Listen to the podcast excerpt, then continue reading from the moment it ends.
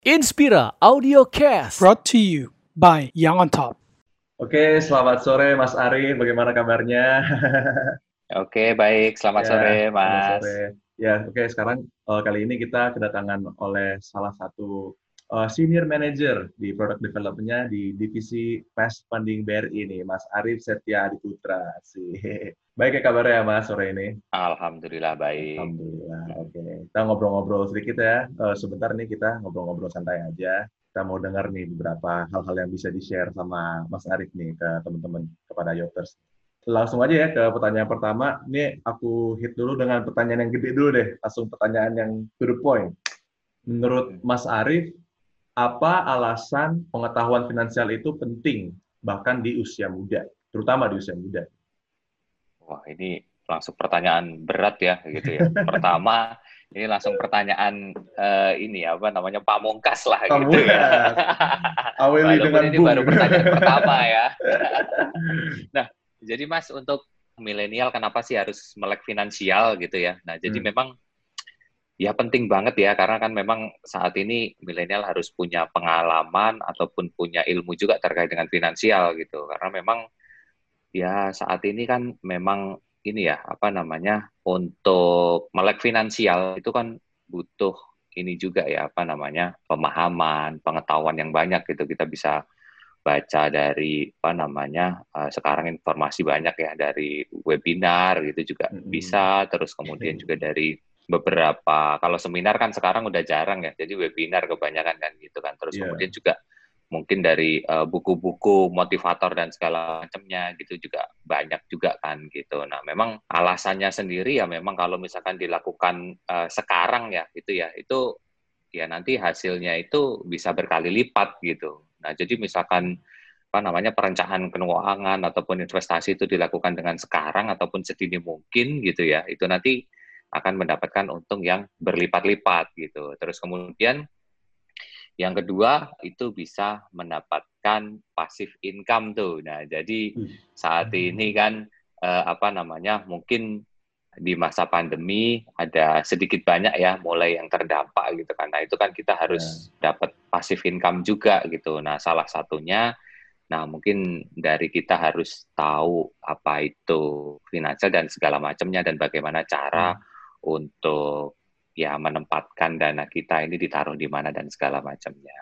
Nah, selain itu juga ini melatih untuk disiplin ya. Jadi disiplin nih karena Uh, untuk eh, merencanakan keuangan ini butuh disiplin nih. Kita butuh disiplin nyisihkan uang, kita butuh disiplin untuk ya eh, apa namanya? untuk taat per bulannya kita harus nyisihin berapa dan segala macamnya. Nah, terus kemudian begitu itu sudah ada semua dan tercapai gitu ya. Nah, itu nanti akan jadi peluang untuk mendapatkan kebebasan eh, finansial ya di masa hmm. mendatang. Gitu sih kurang lebih, Mas. Oke oke, itu tadi ada yang menarik tuh. Tadi eh, Mas Arief nyebut ya, sekarang tuh banyak banget informasi nih ya. Kayak gak cuma kan ada dari bisa dari buku, bisa ikut webinar dan juga bahkan sekarang banyak ini ya apa di Instagram atau Twitter kayak akun-akun yang melek finansial apa eh, milenial eh, ya itulah apa namanya tips-tips ngasih-ngasih finansial gitu. Tapi kan seperti kita tahu zaman sekarang emang informasi banyak banget. Antara kemudahannya salah satu kemudahannya ya ya jadi mudah dapatnya. Cuman kan kadang-kadang belum tentu semua informasi itu benar tuh ya. Belum tentu semua informasi benar tuh. Nah menurut Mas Arief tuh apa sih kekeliruan-kekeliruan umum tuh yang biasanya anak muda punya mengenai pengetahuan finansial? Ya, eh, mungkin kekeliruan ya, kekeliruan anak muda sekarang itu mungkin sekarang ini untuk invest ini apa namanya istilahnya tidak punya ya sebenarnya harus punya uang ya walaupun sedikit gitu, tapi di sini merencanakan keuangan itu harus ada unsur kerelaan juga, jadi kita harus rela gitu. Jadi harus rela untuk menyisihkan, harus rela untuk berhemat gitu. Nah itu menabung sedikit demi sedikit. Nah, terus yang kedua uh, mungkin ada pandangan anak-anak muda ya terkait dengan investasi itu terlalu beresiko gitu kan. Nah, Ya, ya. sebenarnya kan seperti itu tuh. Nah, begitu sebenarnya untuk yang investasi ini, investasi ini uh, ada beberapa macam sih Mas. Misalkan ini memang disesuaikan dengan profil resiko masing-masing gitu, mulai dari mungkin yang konservatif, terus kemudian yang moderat dan juga agresif. Nah, ini kita harus paham nih, kita itu tingkat profil resiko kita itu di mana? Apakah di konservatif, ataukah nanti di moderat, ataupun agresif. Kalau yang di agresif, ya langsung aja masuk ke saham gitu. Kalau yang di hmm. konservatif, ya sudahlah, kita di tabungan, deposito, nah seperti itu. Kalau yang moderat nanti mungkin lebih ke surat utang negara, obligasi, dan segala macamnya. Nah, terus menunda-nunda, Mas. Nah, ini ya, menunda-nunda. Ah, nanti oh, saja deh kalau misalkan setelah saya tua baru investasi atau baru melakukan perencanaan keuangan gitu. Nah, ini hal yang salah untuk menunda-nunda karena dengan menunda-nunda itu kan jangka waktu untuk investasinya kita itu jadi pendek gitu ya. Begitu pendek hasilnya pun juga pasti nggak akan maksimal gitu. Nah, untuk yang didapat. Nah, seperti itu sih, Mas. Oh, mungkin itu ada note juga ya tadi uh, Mas Arief ada nyebut uh, profil resiko yang konservatif itu itu mungkin untuk uh, teman-teman yang masih kurang gitu paham maksudnya apa? Perlu baca-baca terus ya jangan takut baca-baca ya. Jangan jadi merasa kecil oh duh nggak paham nih ini apa artinya? Gitu. Takutnya kan ke situ ya. Iya iya iya mas. jadi memang sebenarnya nanti resikonya kan kita harus ngukur sendiri tadi ya. Jadi hmm. itu rela nggak sih kehilangan uang ah, gitu dan segala macamnya iya, gitu iya, kan. iya. terus kita itu perencanaannya itu jangka waktunya itu jangka waktu pendek menengah atau panjang gitu. Nah, nanti itu nanti bisa disesuaikan dengan profil resiko sih. Biasanya kalau untuk profil resiko banyak ada pertanyaan sih Mas, nanti ada scoring. Nah, begitu sudah ada scoringnya nanti kita bisa tahu sih kita itu sebenarnya profil resiko kita itu ada di mana. Ah, ya, ya. ya ini menarik ya. Jadi salah satu keliruannya kan banyak anak-anak muda yang masih merasa takut-takut ini kan karena mungkin karena kurang edukasi juga mengenai finansial secara umum jadi kayak aduh takut nih investasi ini resikonya bahkan resiko resikonya nggak paham gitu. Tapi kita zaman sekarang itu kan anak-anak muda secara aktif tuh di encourage ya kalau misalnya harus melek finansial harus harus bisa tidaknya belajar tentang investasi. Nah itu kan ada ini ya ada jarak nih antara harapan ya kita nih harapan ingin mengencourage uh, teman-teman untuk melek finansial. Uh, ada gap antara kita nih dengan teman-teman yang lain nih yang kayak masih takut-takutan dengan ini. Apa namanya ketidakpahaman ya kur, kurang kurang gitu paham masih kurang paham. Nah itu kan ada jarak nih. Nah menurut Mas Arief tuh gimana ya caranya kita ngejembatanin biar teman-teman yang masih ragu lebih pede untuk oke okay, gue mau coba nggak harus cemplung deh belajar dulu gitu kan. Gimana untuk biar teman-teman tuh semangat untuk awalnya gitu. Dari awalnya gimana untuk semangat ya. Sebenarnya ini harus dari diri sendiri dulu nih, Mas. Okay. Jadi memang kita harus coba untuk memaksakan diri sendiri sih. Jadi maksa hmm. untuk ini ya apa namanya menyisihkan uang sekecil apa pun gitu kan. Jadi hmm. misalkan hmm. uh, sekarang itu investasi juga nggak butuh jumlah yang besar gitu ya. Jadi sekarang aja mungkin ada yang mulai dari 50 ribu aja udah bisa 50 ribuan gitu. Jadi kita rela dulu nih bulan kita itu misalkan sudah punya eh, penghasilan atau punya uang saku, nah itu kita sisihkan dulu nih sekitar 50 ribu untuk coba investasi lah kecil-kecilan. Begitu nanti mungkin kita dapat tambahan uang gitu ya, tambahan penghasilan gitu. Nah mungkin kita bisa nambah lagi gitu, tapi kita mulai dulu dari yang kecil dulu gitu. Nah kalau saya dulu ya coba untuk pengalaman gitu ya. Jadi saya buka pertama itu uh, ya tabungan rencana gitu ya. Nah itu saya mulai dari yang terkecil dulu nih, 50 ribu hmm. sebulan gitu. Nah itu sudah 50 ribu sebulan, kok kayaknya uh, masih sanggup ya untuk di uh, apa namanya dipotong lagi nih dari sisi penghasilan gitu. Nah itu saya coba lagi untuk uh, ke asuransi gitu kan. Nah begitu kira-kira wah ini kan semakin panjang gitu kan penghasilan juga semakin naik dong mas gitu nah yeah. jadi begitu semakin naik ya tambah lagi lah untuk apa namanya investasi yang lain. Kalau kemarin sih nambah reksadana. Nah seperti itu sih. Mungkin ya kita step-stepnya harus pelan-pelan mulai dari yang kecil dulu dan segala macamnya. Nah itu kita coba. Memang jangan langsung mengharapkan hasil yang besar gitu ya langsung hmm. besar gitu. Tapi ya kita memang harus pelan-pelan kita nikmatin juga untuk jerih payah kita uh, menyisihkan uang ini sedikit demi sedikit. Karena memang begitu kita nanti sudah di masa periode akhirnya itu kita akan merasa puas ya kita itu dapat sekian dari memang yang sudah pernah kita sisihkan sebelumnya. Gitu sih Mas.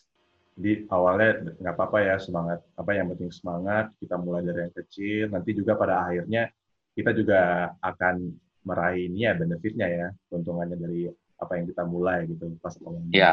Ya. Betul sih Mas, begitu kita merasakan hasil, biasanya kita itu akan ketagihan gitu. nah, begitu ketagihan kita ini lagi nih, apa namanya? nambah lagi nih untuk hmm. mungkin nanti menyisihkan uh, sebagian uang lagi gitu. Biasanya seperti itu sih. Nah, ini ada yang menarik nih dari apa namanya konsep ini yang awalnya dari kecil terus kayak makin lama kita makin besar. Nah, ini nih berhubungan sama ada sebuah konsep lain dalam ide pengetahuan finansial yang mungkin sering diomongin di luar sana, mungkin sering disebut-sebut financial freedom. Financial freedom. Nah ini uh, banyak juga nih yang di luar sana yang bilang-bilang, iya kita bebas finansial tuh nggak harus nunggu sampai umur tua, anak-anak muda juga bisa bebas finansial gitu. Tanggapannya dari Mas Arief, pendapat dari Mas Arief, gimana nih mengenai pandangan-pandangan seperti ini? Apakah benarkah atau apakah ada kelirunya atau apa ada yang harus diperhatikan juga?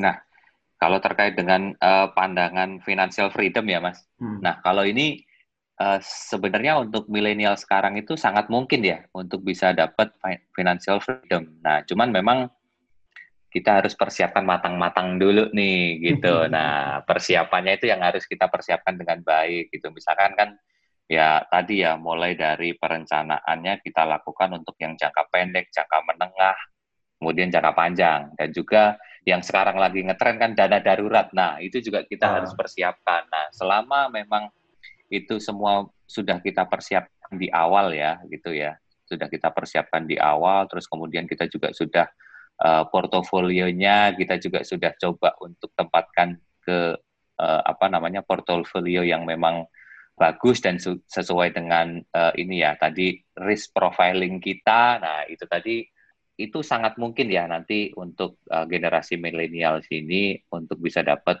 uh, kebebasan finansial gitu. Jadi bisa aja yang penting uh, persiapannya dari awal dulu ya benar-benar dimatangkan ya jangan jangan apa namanya jangan terlalu terburu-buru tapi yang penting mulai dari dini dengan persiapan yang matang. Oke. Ya, gitu ya, perlu persiapan yang matang sih intinya sih, Mas. Jadi supaya nanti di masa mendatang kita juga apabila ada kebutuhan mendadak dan segala macamnya itu sudah dipersiapkan dulu kita ada dana cadangan yang bisa dialokasikan untuk itu gitu. Ya, ya dana cadangan, dana darurat. Itu saya mayan nyesel loh dulu pas sebelum-sebelumnya nggak nyisihin dana darurat terus kayak sekarang baru berasa lagi masa-masa kayak gini kan, lagi masa pandemi. Ada nyesel nggak dari awal bikin dana darurat loh. Ah, iya Mas, betul. Nah, sekarang itu uh, ini ya kebutuhan akan kesehatan dan kebersihan tuh banyak hmm, banget. Yes. Kita harus sanitizer, hmm. masker yeah. kita harus ganti gitu kan. Yeah. Nah itu itu kan ya sebenarnya memang sebelumnya belum pernah kita perkirakan ya. Uh, hmm. Dan itu ya untuk masa sekarang itu walaupun itu kecil-kecil gitu ya, tapi ya karena ini pandeminya juga cukup lama gitu ya, jadi pengeluarannya banyak juga gitu. Yeah. Nah selain itu kita kalau ke mana-mana harus ada rapid test atau swab ah, test yeah. gitu. Nah itu kan butuh biaya yang ini ya uh, nggak sedikit juga gitu yep. Sekarang gitu. Kita mau ke pulang ketemu keluarga aja gitu kadang kan ya uh, orang tua kita dan segala macamnya ya pasti kita harus uh, rapid dulu kan buat yeah. jaga ini ya apa namanya uh, ya supaya nanti sama-sama aman lah seperti itu gitu. Nah Mas balik lagi tadi pas Mas bilang kita harus persiapin dengan matang-matang. Nah tapi pasti Mas dan aku juga pasti paham nih kalau ngomongin kita buat financial plan yang dengan matang-matang biar nanti bisa mencapai financial freedom, sebenarnya godaan paling besar tuh ada di sekitar kita nggak sih kayak zaman-zaman sekarang tuh kayak anak-anak muda, termasuk saya juga, termasuk mungkin Mas juga ngerasain banyak godaan untuk konsumtif. Kayak di mana-mana kalau misalnya lihat Instagram ada iklan ini, iklan itu, mau jajan sana sini, itu kadang-kadang tuh jadi jadi halangan yang sangat sangat signifikan gitu untuk gimana kita mengendalikan diri kita. Nah, menurut Mas Arief, apa ada nggak sih beberapa tips biar kita tuh bisa anak-anak muda bisa mampu mengendalikan diri kita gitu, biar kita bisa lebih bertanggung jawab? secara finansial? Ya, yang pertama sih memang harus ini dulu ya, uh, apa namanya, kita itu harus memisahkan dulu nih antara keinginan dengan kebutuhan. Nah, itu kita harus pisahkan dulu nih. Nah, jadi memang ya kalau misalkan itu jadi kebutuhan yang mendesak gitu ya, nah itu memang harus kita beli, misalkan makanan dan segala macam itu kan kebutuhan yang memang ya harus kita ini ya apa namanya harus kita penuhi gitu. Ya kalau misalkan dulu kan ada ilmu sandang, pangan dan papan, nah Iya, itu ya. iya, iya, iya. sandang, pama, pangan dan papan, nah itu kan kebutuhan ini ya apa namanya primer gitu. primer. Nah, iya, iya. untuk yang kebutuhan sekunder kan ya tadi ya jalan-jalan, beli baju dan Iya. segala macam. Nah, itu memang harus dipisahkan lebih dulu gitu kan. Hmm. Nah, terus kemudian nah yang kedua ini hati-hati dengan ini ya, promo dan juga marketplace ya sekarang ini. Nah, promo dan marketplace ini sangat mengganggu ya, karena bukan mengganggu ya, ini sangat mendistract gitu ya kita ya untuk ya Iya. tertarik ke sana karena promonya dari yang harga berapa, dari harga berapa, lelang, terus kemudian bisa tukar sesuatu dan segala macamnya. Nah, dari Iya. segi promosi semuanya sudah Iya, dikeluarkan tuh gitu kan. iya. Nah, di sini ini kita yang harus hati-hati dan juga selektif. Tapi kalau tadi memang kita sudah bisa memisahkan antara ini yang menjadi keinginan dan kebutuhan, ya mungkin yang seperti itu kita juga nggak akan tergoda sih, gitu sih. Mas. Dan beberapa sebenarnya kita itu panik buying aja, jadi kita pengen beli sesuatu itu karena emosi sesaat gitu ya, karena kita misalkan, wah ada temen nih yang beli ini nih, nah kita jadi Ah, kepengen untuk iya, beli iya, gitu, iya, nah iya. itu kan emosi sesaat gitu, walaupun sebenarnya kalau dipikir-pikir lagi setelah di rumah gitu pulang barangnya, kenapa ya saya harus beli ini gitu kan? Nah itu kan juga jadi hal yang sangat disayangkan gitu kalau yang seperti itu gitu kan Mas. Iya, iya, iya. Sulit sih. Kadang-kadang apa, September ada promo 99, Oktober 10-10, November 10-10 gitu. 11-11. Wow, nggak habis-habis. Gak habis-habis, benar benar benar Mas. Emang dari kitanya aja berarti ya, emang kita harus kita harus belajar untuk misahin ya. Kita Misahin. pisahin lagi mana yang primer, mana yang sekunder. Nah ini Yoters mungkin harus, ini kan, ini sebenarnya ini ya, pelajaran ekonomi dasar ya, kita harus kita asal lagi nih, kita ingat-ingat lagi nih, kita lama-lama itu penting loh, itu jangan jangan langsung lupa, udah dapat nilai lupa gitu dulu. ya penting penting penting. Sekarang baru berasa. Eh, Oke oke. Nah Mas, eh, aku mau nanya dulu deh, mau nanya nanya-nanya tentang Mas Arif dulu nih. Eh, Mas Arif kan sekarang kan eh, sebagai senior manager eh, product development di di divisi mass funding BRI.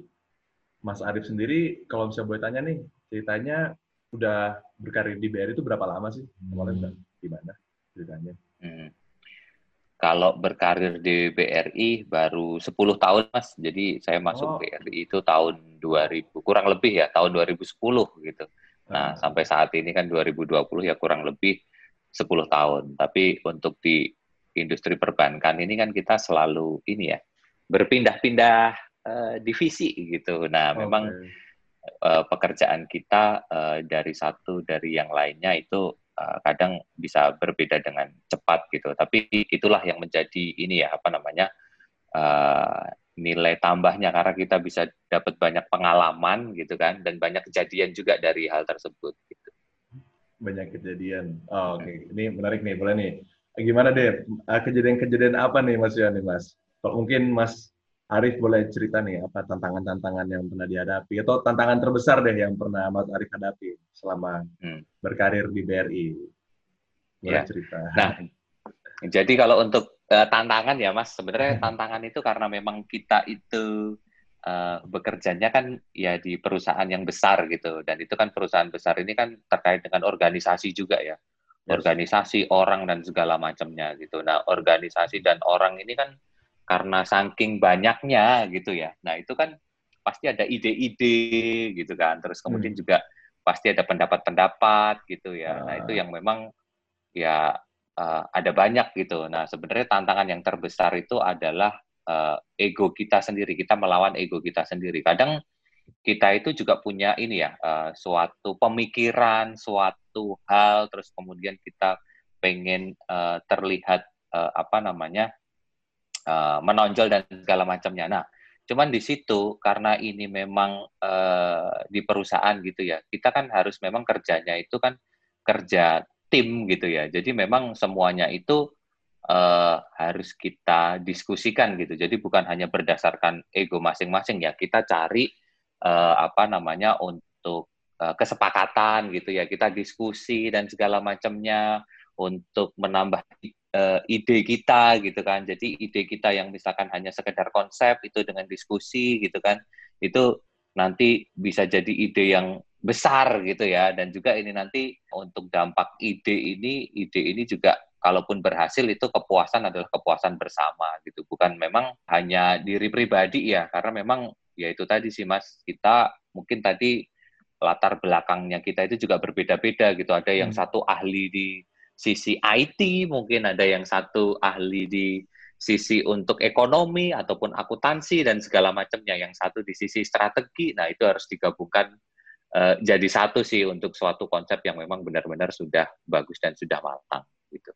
Itu ini ya apa namanya? Mungkin menjadi tantangan di awal beda-beda latar belakang, tapi kalau misalnya udah bisa leader kalau leadernya bisa memimpin dengan benar itu menjadi kekuatan masing-masing ya sih iya jadi kuat iya sih ya. mas iya jadi nanti kalau misalkan seperti itu kan jadinya saling melengkapi sih gitu iya. yang satu kuat di sisi apa yang satu kuat di sisi apa gitu iya.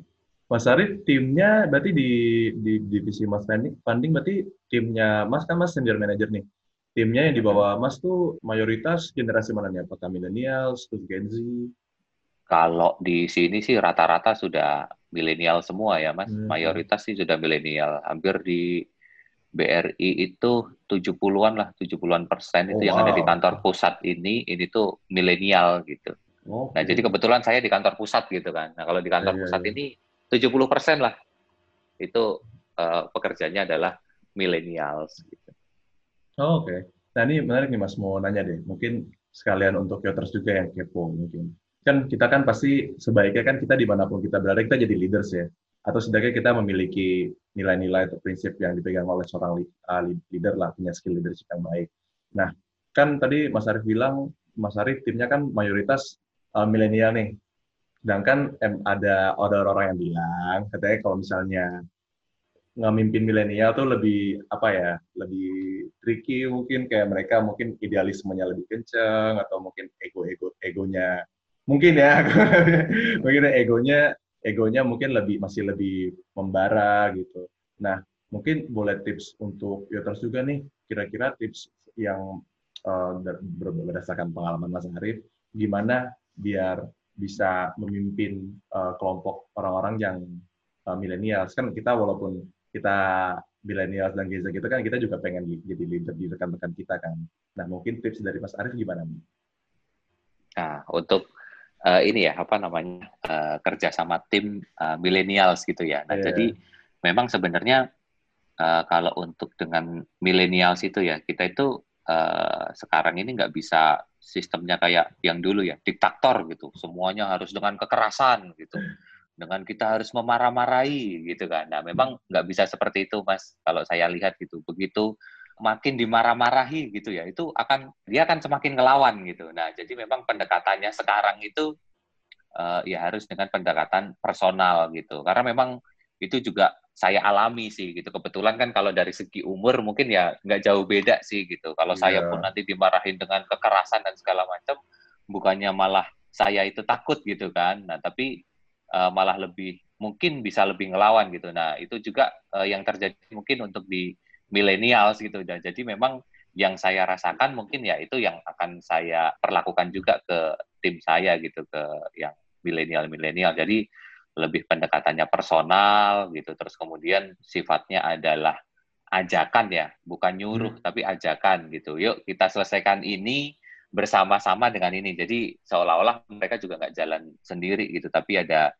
uh, bantuan juga gitu. Nah, terus kemudian nanti juga begitu ada kesulitan gitu kita coba untuk kolaborasi tim gitu. Jadi timnya ini juga akan saling membantu gitu. Nah, begitu berjalan bersama-sama terus kemudian saling mendukung, nah itu biasanya dia ini ya lebih lebih pede lah istilahnya seperti itu dan mungkin juga itu bisa jadi tambahan pengalaman juga bukan buat yang lain gitu karena dia mengerjakan sesuatu hal yang mungkin ya berbeda-beda dari tanggung jawabnya yang dibebankan gitu. Karena memang harus dukung ini, dukung ini, dukung ini. Gitu. Jadi pendekatannya beda ya, harus lebih lebih hati-hati mungkin ada apa namanya eh, lebih ada ininya lah tapi Iya, tetap iya. harus tetap harus jaga ini kan ya apa namanya harus tetap oke kita tetap kerja gitu tetap yang ya nggak sih atau gimana kalau menurut mas apakah tetap ada Ya, kalau yang- ini tetap ada tegas, Mas. Jadi tegas misalkan enggak ya enggak, iya ya iya gitu. Misalkan ini harus dipatuhi ya memang harus dipatuhi gitu. Cuman memang